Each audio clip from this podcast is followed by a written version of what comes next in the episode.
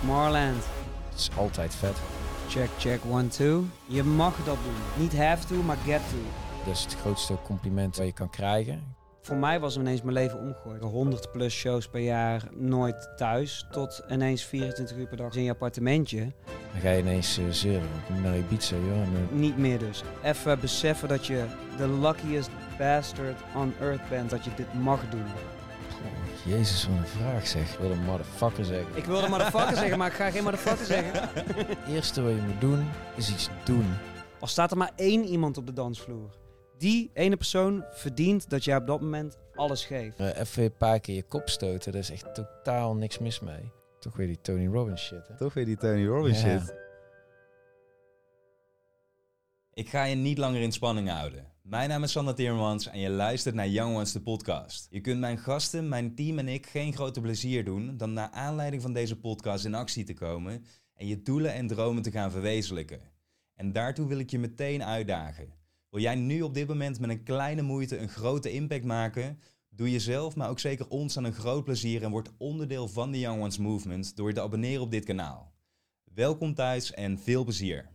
Marlon en Ralf, van harte welkom bij Young Ones hier op de Moorland. Dankjewel. Jullie staan eh, ongeveer twee uur voor jullie eh, show zometeen. En een van de bijzondere dingen werden net al benoemd. En dat is namelijk dat Marlon, jij altijd on stage staat bij de Bezekkers. En Ralf, jij voornamelijk in de studio zit en de muziek produceert. Klopt. Wat Ja. ik heel bijzonder vind. Want zeker als je naar ondernemers kijkt, dan moet je elkaar als kompions natuurlijk versterken en aanvullen. In plaats van allebei precies hetzelfde kunnen. Eh, voor mij was het heel uniek om dit te horen. Voor jullie natuurlijk niet, want jullie doen het al jaren en jaren op deze manier. En wat dat ik ga doen, is jullie een aantal scherpe vragen stellen. En jullie antwoorden op die vragen gaan hopelijk de jonge mensen met grote dromen, net zoals jullie en ik, weer een stapje dichter in de buurt helpen van het realiseren van die droom. Dus ik zou zeggen, als jullie zeggen van dan is een goed plan, dan gaan we gewoon meteen van start en slaan we de small talk even, even over vandaag. Ik zeg, let's go. Hè? Here to help. Kijk, helemaal top. De eerste vraag is: wat is de moeilijkste beslissing die jullie in je carrière hebben moeten maken om te komen waar dat jullie nu staan? En dat zou zowel op zakelijk als op persoonlijk niveau kunnen zijn. Ik denk dat ik hem gewoon terug kan pakken naar het begin. Waar we, we, waren beide, hè, Ralf was net afgestudeerd. Zijn masters gehaald. Ik zat nog in mijn, in mijn bachelorfase. Nou, En- nou, ik zat eigenlijk in mijn master, ja. Ja, wel bijna Ja. klaar. Ja, dat klopt. En ehm, het was eigenlijk een beetje zo van, eh, gaan we dit proberen, dit DJ-producer verhaal, of gaan we een baan zoeken? Ja, Echt even die, eh, die keuze. Tenminste, als ik dan toch over een keuze na moet denken, dan denk ik dat het die wel is. Omdat je, ja, vooral, ik denk destijds vooral voor Ralf, hè, bijna met zijn masters. En ja. de banenmarkt eh, zag er toen volgens mij redelijk ja, eh, ja, goed uit.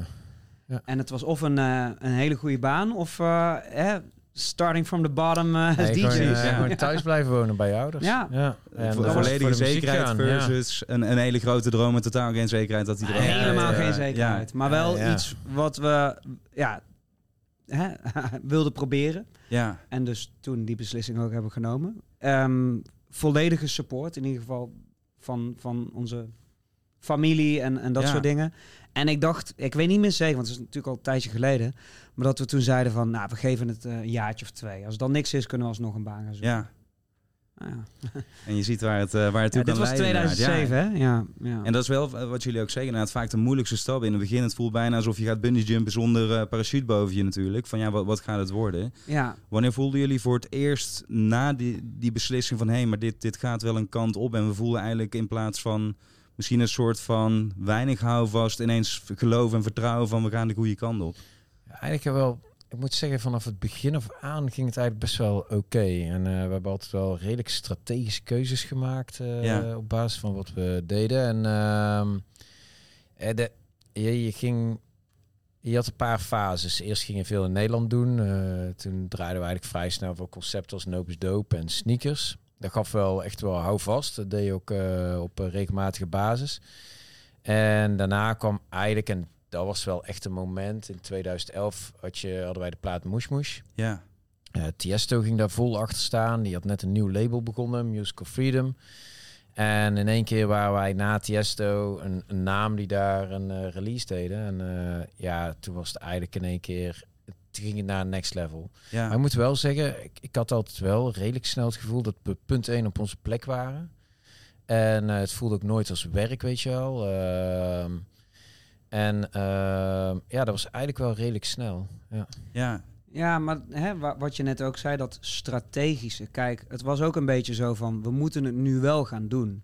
Ook als we, toen we in Nederland lekker gingen, kan ik me herinneren dat we wel over hebben gehad van, oké, we moeten nu wel weer de volgende stap gaan maken. Anders is het ook niet iets wat je hè, ja. wil blijven doen. We willen wel die groei ehm, blijven hebben. En ik denk dat we daar altijd gewoon dat, dat we dat goed hebben overzien. Kijken waar we staan. Kijken wat we eventueel kunnen doen Ja. om die volgende stap te maken. En het, is natuurlijk niet sexy om te zeggen als artiest ben je hè, strategisch bezig en dit moeten we doen om dat Ja. te bereiken.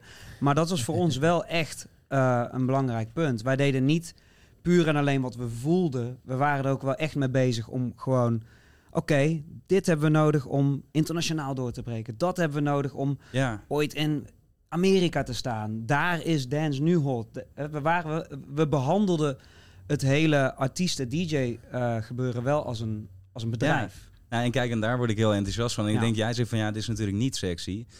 Wat ik vaak vind is dat over DJ's en artiesten wordt niet per definitie gedacht dat het ondernemers zijn. Eh, je hebt vaak met allerlei voordelen natuurlijk te maken, zeker ook als DJ. Die zijn jullie absoluut niet onbekend, denk ik. Terwijl altijd wat ik zie, het zijn ondernemers die merken bouwen. En daar komt juist heel veel strategie bij kijken. En ik denk ook, in ieder geval voor de mensen die deze podcast eh, beluisteren en bekijken, zijn dat vaak de dingen die je niet hoort of ziet. Van inderdaad, wat gaat er achter die schermen eh, om en wat gebeurt er allemaal? En als je dat nooit hoort of ziet, kun je dus ook niet begrijpen inderdaad hoe jullie die, weet je wel, die tussenstappen eigenlijk hebben genomen of die springplank hebben gebouwd voor jezelf om te komen tot waar je nu staat. Precies. En, en dan, dan kun je ook nog ehm, hierin meenemen dat het destijds waarschijnlijk makkelijker, relatief makkelijker was, omdat er minder DJ's waren. Het was allemaal nog een beetje nieuw en up and coming. Eigenlijk op het moment dat wij in de US doorbraken, was een soort van de breakthrough van EDM en dancemuziek in de US. Dus wij gingen gewoon op die wave. Ja, En dat is ook een geluksfactor die natuurlijk meespeelt in het, in het succes. Juiste tijd, juiste plek. Maar op het moment dat het gebeurt en dat het momentum er is, ga je wel al in. En ik denk dat dat met elke business heel belangrijk is. Dat je de kansen ziet en dat je daarop inspringt. Ja. En ehm, ja, ik, ik zou ook niet per se nu kunnen zeggen van... hey, wil je nu beroemde DJ worden? Doe dit. Maar ik denk wel, wat jij ook zegt, brandbuilding en social media is nu heel belangrijk. Je hebt elke, weer, elke week weer een ander platform wat, eh, wat ontploft. ja zeker. TikTok-strategie. Het, het, de hele scene is heel erg veranderd in dat opzicht dat het, de brandbuilding misschien al bijna belangrijker is dan al die dingen die, die eh, belangrijk waren toen wij net begonnen. Dus het is ook gewoon iets ja, waar heel veel beweging ja. in zit. Ja, En zeker. Voor, voorheen bestond je marketingmix eigenlijk uit 80% was je muziek en dan eh, komt 20, maar dat is nou eerder 50-50. Ja, en, ster- eh, sterker nog, toen wij net begonnen, de marketing voor een DJ was, draai op een groot festival. En je kan overal draaien, omdat jij op dat grote festival hebt gedraaid. Ja. Je, eh, je bent bassjackers van, eh, hè, laten we zeggen, van Tomorrowland. Want Zeker, ja. omdat je op Tomorrowland hebt gestaan, kan je Ja. overal staan. Toen was het ineens, oh, eigen muziek. Je moet je eigen muziek kunnen produceren. Toen kwam dus ook het hele ding van, een DJ moest ineens een producer zijn. En daar komt eigenlijk ook kijken wat wij, waar, waar wij een soort van uniek zijn, is dat Ja. ik ben eh, van, van origine echt een DJ en Ralf echt een producer. En wij bundelden die krachten tot één merk, Bassjackers. En daarom kon ik volle bak toeren, overal naartoe. Terwijl hij 24-7 Ja. in de studio zat, super productief. En dat was wel eh, uniek, vooral in die tijd. Zeker, ja. En, en dat is precies wat je zegt. Van, ik vind dat zo mooi bij jullie. Dat ik denk van als je nogmaals naar bedrijfsstructuur gaat kijken, van het heeft geen nut om met z'n tweeën vol in een meeting te zitten als één iemand het ene kan doen en de ander het ander. Dat een heel Zeker. simpel voorbeeld, maar dat is precies wat je nu benoemt. Maar het unieke vind ik er wel van. Nogmaals, Rolf, dat jij ook zegt van nee, maar voor mij voelt het ook helemaal als mijn plek en ik hoef niet zo nodig op dat podium. Want daar komt natuurlijk ook een heel stukje ego denk ik bij kijken. Het is niet dat als je op het podium staat en je een grote ego hebt, maar wel van Ontzettend wilt- groot ego.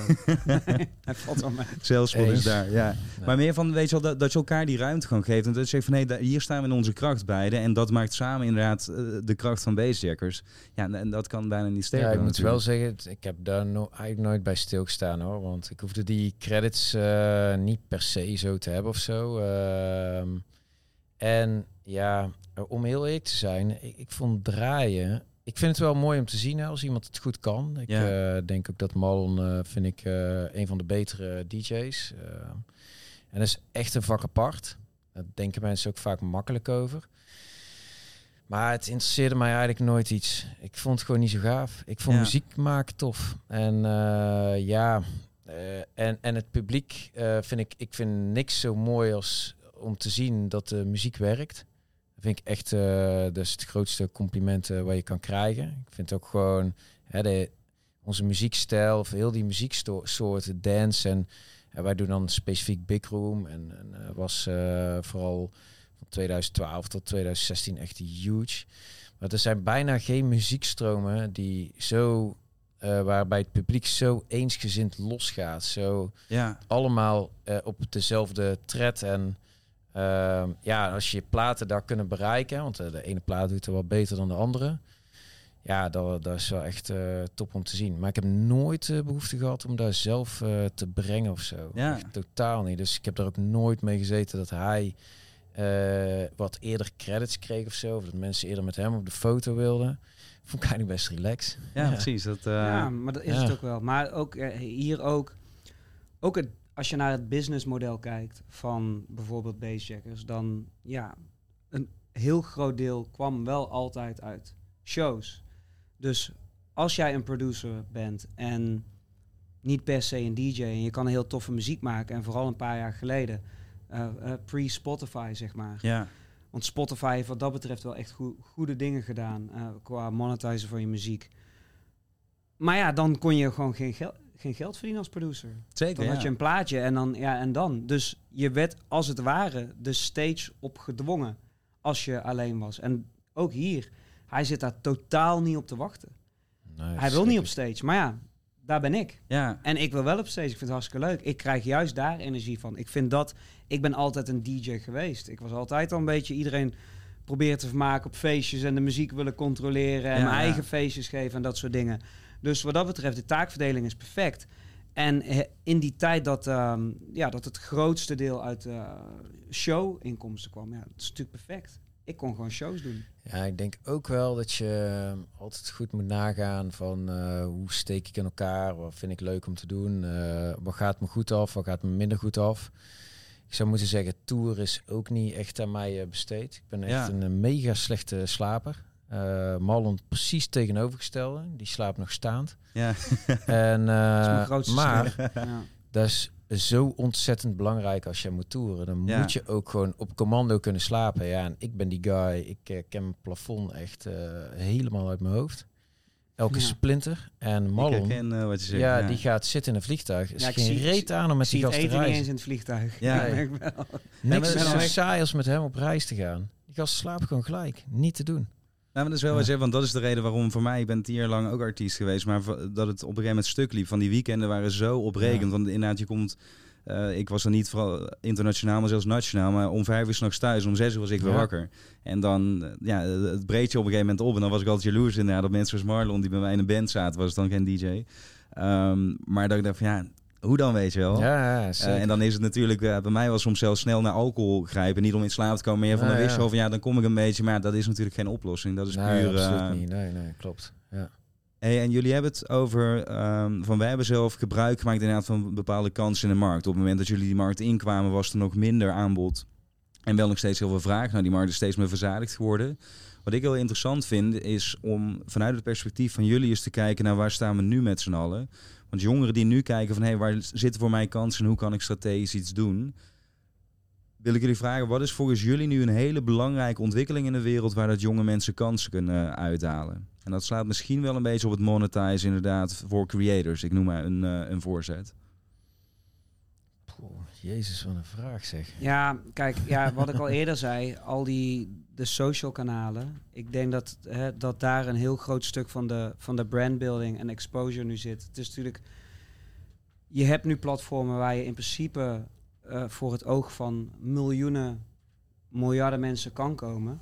Ja, En ehm, ja, voorheen waren die kansen niet, maar tegelijkertijd heb je, je hebt het algoritme, je hebt van alles wat er meespeelt. Maar ik denk wel dat als je gewoon consistent blijft gaan, en dat er op een gegeven moment moet het vallen. Dat was bij ons ook. Hè, je, had, je, je bleef platen maken en je bleef het uitsturen naar DJ's. Ja. En de kans dat ze een keer reageerden was misschien ook best klein. Hè? Maar Ja. nu, als er iets, laten we zeggen, viral gaat of iets wordt opgepakt, dan heb je wel meteen, boom, meteen raak. Dus ik denk, ja, ik, het klinkt een beetje cliché, maar ik denk dat je ten eerste mo- gewoon moet doen wat je tof vindt. En ja, je gaat iets creëren waar je achter staat. Ja, En dan zal het ook minder moeilijk zijn om dat te blijven doen, dag in, dag uit. En je blijft het gewoon de wereld ingooien, totdat iets pakt, totdat iets plakt. ja. Ja, ik moet wel zeggen, ik vind het ergens een beetje tweeledig om eh, te... Het, je, je kan er ook niet te berekenend over doen. Ook toen wij begonnen, uiteindelijk begin je eigenlijk... Hè, ik zei net wel heel wijs, van je maakt strategische keuzes en zo. Ehm, maar aan de andere kant was het ook zo, we waren ook redelijk koppig. Je hebt een bepaalde visie op eh, wat is muziek, wat is entertainment, eh, wat is een DJ, wat doet hij on stage. Ja. Hoe zien wij dat nou eigenlijk? En daar is wel iets waar wij eigenlijk altijd wel een beetje aan vast hebben gehouden. En, en ik vind die kern, daar gaat het ook al om. En dan is de rest daaromheen niet per se belangrijk. Sterker nog, het is niet eens belangrijk dan of je publiek krijgt of niet. Maar je doet gewoon hoe jij het ziet. Hè. En heeft wat ik doe en leuk vind, bestaansrecht überhaupt. Misschien niet eens. Alleen, Want dat is iets bestaansrecht. Is dat dus wanneer er heel veel mensen naar kijken? Of is dat volgens jou iets anders? Nou ja, eigenlijk luisteren? wanneer jij het tof vindt, heeft Ja. het al bestaansrecht. En, eh, maar goed, ook daarin is het natuurlijk ook weer eh, moeilijk. Ehm, ja, dus ergens is het ook, kijk, je kan niet altijd een, een soort van masker op doen. Je bent wie je bent. Dat wil je Ja. laten zien. En je doet wat je doet, omdat je daarin gelooft. En, en die visie juist wil uitdragen. En dan doet het er eigenlijk al niet toe of er publiek naar komt kijken of naar luisteren of niet. Maar ja, aan de andere kant, weet Ja. je, dat is ook weer iets te Ik ben het daar ook mee eens. Ja, alleen Ja. je wil gewoon ook dat er mensen naar je je- komen je- kijken. maar Dus als je is- succes wil hebben, dan, ja, dan, dan Laat kan je dat voor jou niet... even insteken. Ik weet dat jij veel bezig bent. Ik weet niet of jullie dat allebei, maar van jou eh, is het zichtbaar eh, met blockchain bijvoorbeeld en alle ontwikkelingen binnen die, eh, binnen die space, zeg maar. Dat kunnen, is veel te uitgebreid om nu helemaal te gaan bespreken, maar ik kan me wel voorstellen voor iedereen die iets creatiefs wil doen bijvoorbeeld, eh, dat je dan zegt inderdaad van hé, hey, ik ben al heel creatief en gepassioneerd met bepaalde dingen bezig, wat heel veel jongeren ook zijn, want content maken, om het dan even onder die noemer, ik, vind muziek zelf bijvoorbeeld veel meer dan content, is gewoon kunst, maar goed. Ehm, dan biedt dat natuurlijk heel veel kansen. In de zin van eh, een vervolgstuk eh, bovenop wat je doet. Ik vind blockchain dan wel weer een grappig voorbeeld van iets waarbij je gewoon je intuïtie moet volgen. En dan heb ik het nu vooral over de hè, kant als collector. Want Ja. hè, je hebt traders, collectors en dat soort dingen. En bij mij zelf, mijn ervaring is elke keer als ik iets gewoon kocht of verzamelde omdat ik het gewoon tof vond, dan explodeerde het ineens uit het niets. En als ik dacht van, oh, dit moet ik kopen, want dit gaat hem worden, dan ging het echt naar nul meteen. Ja, precies. Ja. Dus eh, de, ik denk vaak dat je wel gewoon dingen moet doen die je tof vindt en waar je achter staat. En ook als het dan naar nul gaat, eh, hè, van een collector perspective, dan he- heb jij gewoon je coole collectible die je toch in principe niet Zeker. wil ja. verkopen. En dan nu aan de creator side. Kijk, ik denk dat blockch- blockchain technology staat echt in de kinderschoenen als het ware. En ja, we weten allemaal nog niet precies waar het naartoe gaat. En hè, het is de grote belofte. Ik denk wel dat als je nu een creator bent, experimenteer er een beetje mee. Leer er een beetje van. Eh, het is een beetje een sidebed op, eh, op, op de toekomst. Want Ja. ik geloof er heilig in, maar ik wil ook niet per se zeggen dit is de toekomst. Daar is het gewoon ook nog te, te vroeg voor. Maar ja, het biedt allerlei hele coole mogelijkheden voor, voor artiesten en creators. Je hebt een directe connectie, je kan je fanbase on-chain zien, je kan een NFT releasen en je kan letterlijk precies zien wie hem gekocht heeft, hoe lang ze hem hebben vastgehouden, wat ze ermee doen. En je kan, je kan ze een, een NFT als cadeautje sturen. Hè? Thanks voor de support. Ja. Je kan allerlei dingen doen. En ehm, ja, wat dat betreft, ik, de, de tech heeft gewoon eh, heel veel eh, in zijn mars, zeg maar. Alleen ja, we zijn nog eh, ja, heel vroeg daarin. Zeker, maar En dat is het is misschien- nog een ja. beetje het wilde westen. En je hoort natuurlijk ook Ja, maar ik, negatieve ik vind verhalen. eigenlijk juist die technologie maakt het juist zo. eh, of ehm, je moet het niet gaan gebruiken omdat je denkt van ik kan er voordeel of, of strategische eh, belangen bij hebben. Alleen eigenlijk meer ook daarin is het weer van als, als het iets kan brengen wat jouw visie kan eh, versterken Ja. of juist eh, iets eraan toe kan voegen, dan moet je het doen. Alleen dan geldt ook weer, dan maakt eigenlijk alle uitkomst niet uit.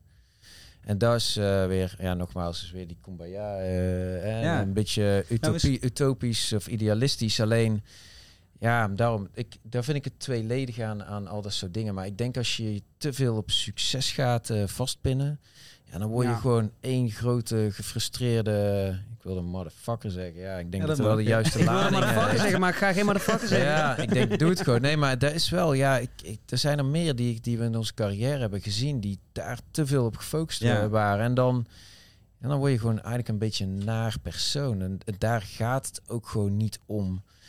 Alleen ik snap ook weer dat je het, dat je wil wel publiek. Anders is het ook gewoon saai, hè, weet je wel. Dan sta je weer voor, Ja. voor eh, je vader en je moeder en eh, je neef en nicht eh, te Ja, maar je kan ook een balans in vinden natuurlijk. eh, ja. Zeker. En ik denk, daar, daar moet je ook voor jezelf vinden. En ik denk ook dat je zelf gewoon ook met alles wat je doet in balans moet zijn. Als het ooit als werk gaat aanvoelen, dan is het ook niet oké. Ja, zeker.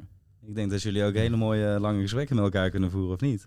Tenminste, als Ja, ik dat, jullie zijn heel genuanceerd. Ja, ja. Heel bedankt. Ja, precies. Ja. Ik denk wel, bij ons staat communicatie en vooral veel praten over dingen. Daar vind Ja. ik, ja, is wel belangrijk eh, bij ons. En je moet ook niet zomaar alles zomaar doen. We, houden elkaar wel heel scherp. Ja, Ja. Zeker. Ja. Al vanaf dag één tot... Ik denk dat je, het begint al met de muziek. Hè. Hij is een DJ, ik ben een eh, producer. We kijken anders naar muziek. Voor mij moeten andere dingen kloppen en voor hem, moet, hè, voor hem is eh, effectiviteit bijvoorbeeld heel belangrijk. En ik wil er graag een beetje muzikaliteit in eh, Ja. stoppen. Onze muziekstijl die we doen, hè, die voelt sowieso altijd al wat.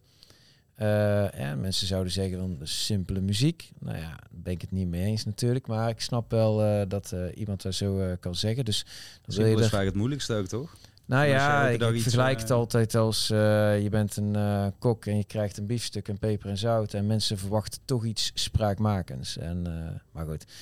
Ehm, maar in ieder geval, wij eh, dan botsen af en toe een beetje wat je muzikaal wil en effectiviteit, dat kan een beetje botsen. Ja, dan krijg je echt hele, ja, eh, discussies over waar het naartoe moet. En ik denk dat we daarom ook juist een beetje een muziek, die valt gewoon te herkennen. Mensen horen gewoon gelijk aan bepaalde dingen. Het is best wel moeilijk om daar ook eh, klaar te spelen van, hé, hey, dit is bassjackers. En ik denk dat daar juist het compliment is eh, naar ons toe, omdat wij, ja, wij hebben het er ook gewoon echt zo ongekend veel Ja. over. Ik ben hem ook af en toe echt mega beu eh, naar die gesprekken. Maar het is wel echt nuttig. Compliment. Ja. Ja, nee, maar het is echt nuttig. En eh, ik denk, eh, ik kan beter eh, tien woorden te veel zeggen dan één te weinig. Ja. En misschien een, een, een vervolgvraag erop. Zijn jullie in de basis ook echt vrienden of zijn jullie compagnons? Nou, zien jullie dat vrienden, zelf? hoor. Ja. Ja. Ja. ik althans wel. Ja, we hadden net van Of zelfs We broers. waren Ik weet niet vrienden, maar toen we ineens samen gingen werken... Toen al- Ja, nee, eh, we kennen elkaar al eh, Ja. sinds de middelbare school. Zeg maar. Ja. Oh, Eh, ja. samen universiteit gedaan. En eh, als vrienden op een gegeven moment besloten dit te gaan doen. En eh, ja, toen waren we geen vrienden meer. eh, toen. Nee. Ja, Nee. nou, ik Nee. heb wel eens gehad met mijn compagnons. Dat waren in beginsel ook vrienden in de muziek dan. Maar op het duur wo- wordt zoveel business dat je bijna zeg maar, niet over andere dingen... Nou, we Eh, hebben wel, en- eh tuurlijk Ja, wel eh eens gesprekken gehad. Maar Ja. ik denk ook wel dat we daar ook sterker zijn geworden. En ook je groeit, je groeit in alle aspecten, zeg maar. En eh, ja, we kunnen nu gewoon eh, ook heel trots zijn op wat we allemaal samen hebben bereikt. Ja. En ja, gewoon nog steeds gewoon maatjes. Ja, is toch super tof. Zeker, ja, als je dat kan delen, dat is... eh, nee, nee, het is, kijk, ehm, ik heb zelf twee kinderen. Die ben ik ook af en toe bij. ik kan wel achter de Ja. bank eh, plakken. Maar daar hou ik eh, zielsveel van. En ik wil ik heb hem niet vergelijken met mijn kinderen, maar eh, Hij houdt ziels veel van mij. Nou, Ja. Ik ook van jou. dan mogen jullie er allemaal zelf van maken. Maar ik denk dat het wel eh in Ja. said. Ja. En hoe is dat voor jou dan, Marlon, in, in jouw leven? Hoe, hoe is het om relaties te onderhouden? En bijvoorbeeld om überhaupt aan kids te denken? Want jij bent dus degene die continu op andere plekken is. Of is dat überhaupt geen, geen behoefte die je ervaart? Hoe zie jij Ehm, dat? Ja, ik denk dat het de eerste paar jaar van de tour eh, vooral eh, hartstikke leuk was, zeg maar. Hè? De vrijgezelle DJ en de Ja. wereld rond. Op een gegeven moment gaat dat ook vervelen. Eh, ik had zelf op een gegeven moment al een beetje zo, ja, niet de moed opgegeven, maar zoiets van, ja, it is what it is. Ik vind het allemaal wel best, ik vind het allemaal wel prima. Ja. En eh, ik besefte me ook wel dat het heel moeilijk is om juist, eh, hè, de juiste persoon te ontmoeten die met zo'n levensstijl kan omgaan. Uiteindelijk toch gevonden. En nu eh, inmiddels al eh, acht jaar samen. Dus, Kijk, eh, ja. En dat balanceert zich van ja, Ja, als je elkaar inderdaad super daarin kunt chill. vinden. Ze- Ja, wat mooi. Ja, je moet wel sterk in je schoenen staan af en toe en begrijpen waar, hè, wa- waar je mee aan het daten bent, zeg maar. Ja, En, ehm, maar ja, ja, dat gaat gewoon hartstikke goed. En misschien als je dan kijkt, want ja, jij zei net al een keer kumbaya, maar als je gewoon kijkt naar persoonlijke ontwikkeling en jullie verschillende levensstijlen, in principe het artiestenleven, of je dan in de studio zit of en ook op het podium, is natuurlijk best wel hectisch en heftig soms. En zeg maar, gaat up en down en er gebeurt van alles. Zeker als creatief als je bezig bent, dat is niet een soort stabiele lijn. In vergelijking met, ik noem wat, een, eh, een unie-carrière waar je vervolgens in een grote corporate bijvoorbeeld gaat werken. Dat is toch wat meer... eh, Ja, nee, zeker. Ik moet ik zeggen, ja, elk feestje waar je komt, dan gaat het altijd weer eh, over jou. En eh dat vind ik altijd het verschrikkelijk is natuurlijk een apart eh, iets, hè. Ja. Het is, eh, En mijn vraag uniek. eigenlijk van wat is bijvoorbeeld als jullie naar de afgelopen drie jaar kijken, een belangrijke gewoonte, eh, overtuiging die jullie hebben opgedaan, die je leven heel positief beïnvloedt daarin. Dus iets waarvan je zegt van hey, in die hectiek of in die upstream, dat is iets wat, wat me heel erg centered houdt, zeg maar, en ehm, ja, wat mijn leven goed doet. En ik heb het idee dat jullie er allebei best wel mee bezig zijn hoe jullie overkomen. Ja. Nou, maar dan heb je het nu eigenlijk ook over de, hè, toen COVID er zeg maar in knalde. Dat het ineens, voor mij was ineens mijn leven omgegooid. Want het was in principe, ja, laten we zeggen 100 plus shows per jaar, eh, nooit thuis. Tot ineens 24 uur per dag gewoon thuis in je appartementje. Toen kreeg ik ineens heel veel tijd om na te denken over alles wat ik wel niet had meegemaakt. En wat ik daaruit wel echt had meegenomen, is dat ik gewoon super dankbaar was voor al die ervaringen en herinneringen die ik heb aan de optredens. Met de fans die naar zo'n show toe komen, die daar misschien naartoe leven. Thuis even een plaatje opzetten. Hè. Vanavond gaan we naar een Bassjackers concert. Dat ik daar, ja, zo van wow, dat is echt super tof. Dat, daar mag je echt dankbaar voor zijn. En vanaf dat moment had ik ook zoiets van, als shows ooit terugkomen, al staat er maar één iemand op de dansvloer. Diegene komt gewoon omdat hij naar jullie muziek heeft geluisterd. Dat hij zin had om, om vanavond even lekker avondje los te gaan Ja. op, op, op Bassjackers muziek. En die ene persoon verdient dat jij op dat moment alles geeft. En om dat even weer te beseffen, dat was wel echt heel mooi. Voor mij in, in, in principe. Want ja, ik ga ook, eh, hè, ik moet toegeven dat op een gegeven moment als die, hè, die rollercoaster van al die shows, op een gegeven moment heb je ook wel, oh, ik heb geen zin of ik heb dit. Klagen over de stomste dingen. ja, Ja, ni- niet meer dus. Even die reflectie, even beseffen dat je de luckiest bastard on earth bent, zeg maar, dat je dit mag doen. En eh, dat, dat, je, dat jullie fans hebben die, die jullie supporten. Ja. En ja, dat... eh, En sta je dan nu ook, want nu zit je weer in die rollercoaster eigenlijk natuurlijk. Sta je dan nu bewuster dan bijvoorbeeld gedurende je dag een keer stil? Want toen was het ge- gedwongen stilstaan of hoe? Tuurlijk, zeker. Ja. Maar ik besef me ook dat dit een, een proces is wat, wat je al... Je zal altijd afgeleid raken. Je moet jezelf echt af en toe weer... Boom, even tot de orde roepen. Dat is met, met alles en iedereen. Dat is met elke habit. eh, goed of slecht. Ja, Als jij daar niet bewust bij stilstaat, dan, dan loopt dat weer uit de hand. Of dan, hè? En daarom, wat ik mee heb genomen uit hè, de, de coronatijd, is dat die gewoon die, die reflectie en af en toe even over dingetjes nadenken. En gewoon even lekker dankbaar zijn voor wat je allemaal hebt en niet hebt. Ehm, dat dat gewoon heel belangrijk is. ja, mooi. Ja. En voor jou Rolf? Ja, Want jij komt al heel, eh, wat ik zei, be- beheerst over. Dus daarom denk ik van, dan, dan ben je er ook wel mee bezig geweest, denk ik, om die staat. Of je hebt dat van nature en dan heb je daar denk ik heel veel eh, geluk mee, om het zo te noemen. Want er zijn heel veel jongeren namelijk, die hebben dat niet. Wat jij zei van, oh, je moet gewoon blij zijn überhaupt al dat je kan creëren. Dat is toch natuurlijk die prestatiedruk die iedereen misschien ook alweer dankzij ja, is of door misschien dat... wel makkelijk lullen, omdat het eh, eh, heel goed is gegaan. Ehm, ja, want ik zit heel even terug te denken. Ik wilde ook altijd wel heel graag hoor. En eh, ik denk dat die, die drang, die moet er ook wel zijn. wil je iets klaar kunnen spelen? Heel veel dingen zijn eh, een voorrecht, eh, vind ik altijd. En als je op die manier naar heel veel dingen die je kan meemaken, of voor mij part eten of eh, drinken of iets, gaat kijken, dan eh, worden ze eigenlijk leuker. Ja, En eh, niet te veel dingen als vanzelfsprekend aannemen. Maar ja, aan de andere kant, eh you're only human, dat doe je toch. En eh, Dan ga je ineens zeuren van, poeh, oh, ik moet naar Ibiza, joh, en de vlucht gaat kei vroeg. Ja, maar precies dat. Maar Ja. ja, Ja. gewoon even beseffen, je mag dat doen. Hè? Ja. Je Zeker. voorrecht om Ja, te doen. ja, ja. Dat is echt, dat is wel echt een, een game changer. Hè? Niet have to, maar get to. Ja, En, ehm, en als ik dan toch één ding van Ralf ook eh, even mag eh, aanstippen in hè, zijn work ethics. Gewoon altijd opdagen. Dag in, dag uit. Vanaf 2007, ik weet niet of hij ooit een dag heeft gemist. Ja, joh. Maar die gast zit gewoon in de studio, komt 's ochtends aan.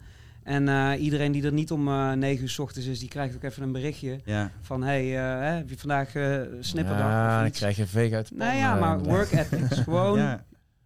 opdagen. Continu. Al gaat het een, hartstikke goed, Ja. maakt niet uit. Gewoon scherp blijven. Ja, dat, dat vind ik Nee, echt... maar de, de echte gemene deler bij iedereen of alles wat een succes wordt. En dat is heel simpel. Het eerste wat je moet doen, is iets doen. Ja. Echt, echt slechte plannen kunnen nog slagen. Maar eh, als je het niet uitvoert of niks doet, dan gaat het ook nooit gebeuren. Dus ja, dan ga je eigenlijk... Het simpelste wat je kan doen, is gewoon iets doen. Gewoon iets doen. Ja. Wat denken jullie dat de meeste jongeren in dit geval tegenhoudt om die eerste stap van gedachte naar actie te ondernemen? Ja, ja, ik wil Het ook niet een of andere Tony Robbins hier Nou eh, ja, maar worden of ja. zo. Maar hè, weet je wel, en dan krijg je weer eh, Instagram staat er ook vol van allemaal van die leuzen en zo. nou, maar, ik zal niet zo'n motivational quote Het eruit zijn Ja, wel maar is- concepten in, in principe. Hè? Nee, ja, nee, weet je, het is echt, dat klinkt ook zo mega cliché, maar eh, even een paar keer je kop stoten, daar is echt totaal niks mis mee. Ja, Gewoon lekker doen en eh, zien bij het schipstrand. Maar kijk, ondertussen ook wel kopje erbij houden. Ja, maar ja, niet jezelf laten afschrikken door de beren die je op de weg eh, ziet. Weet je, dus voor je toekomstige ikke, die lost die shit wel op. En eh, gewoon lekker aan de gang gaan. Ja, ben ik nou Tony Robbins? Nou eh, ja, van maar het is inderdaad gewoon dingen doen, falen, nog een keer proberen, Ja. blijven gaan. Je loopt ergens tegenaan, je vindt, je vindt wel een manier omheen. En ja, Ja. ja, maar ik wil nou, opgeven. ja, maar Ja, ook weer niet als een kip zonder kop in één keer eh, te werk Nee, gaan. maar dat is, Ja. dat is dat stukje bedachtzaamheid natuurlijk. Maar dat is denk ik wat je zegt van... eh, mijn vriendin heeft er bijvoorbeeld wel eens over nagedacht om... en misschien nog meer mensen hoor... maar een, een soort kinderspel te maken... waarin het maken van fouten... in plaats van de rode streep die je vroeger door je, door je fouten kreeg... dat het wordt beloond. Dat het een gevoel krijgt inderdaad van... hé, lekker, ik heb er één Ja. gemaakt. Maar vervolgens, wat heb ik hier... wat haal ik hier uit en hoe ga ik weer verder? Want dan blijf je er niet van weg. Want dan omarm je het bijna juist van... hé, een fout, yes, weet je Ja, kan ik weer... Kan ik weer door. En dat Ja, is ja, misschien ja. wel dat diep geankerde gevoel wat toch, eh, als je kijkt naar je jeugd, Ja. als dat er zo in wordt gestaan van nee, geen fouten maken. En fouten maken is het enige wat je in de buurt kan brengen van datgene wat we misschien allemaal willen. Want succes is ook maar relatief natuurlijk. Het gaat Ja. niet om, misschien voor die sommige zei mensen... van een, een fout, eh, of een fout maken is niet erg, maar niet van een fout leren. Dat is Ja. een beetje dom. Ja, maar ja, sowieso, je gaat fouten maken. Je gaat 100% Ja, ja. fouten Ja, maken. ja. Je moet fouten maken. Anders, anders is er geen groei, Toch weer die Tony Robbins shit, hè? zegt hij. Toch weer die Tony Robbins Ja. shit. Ik Ja, denk hij dat heeft ik... die eh, Tony Robbins. Hij heeft wel een punt. ja. Nee, maar ja, ja dat, dat, dat zegt... Kijk, eh zeg het zijn wel bewezen concepten. Ja. Ja. Zeker weten, ja. Hey man, ik denk dat we nog heel erg eh, lang hadden kunnen doorpraten. Maar om het in de. Tony Robbins af te sluiten. tijd is ons meest schaarse goed. En jullie eh, moeten zo meteen die, eh, die stage op waar dus wel duizenden mensen inderdaad eh, voor het podium staan. Waar sta jij nu, Rolf, zo meteen?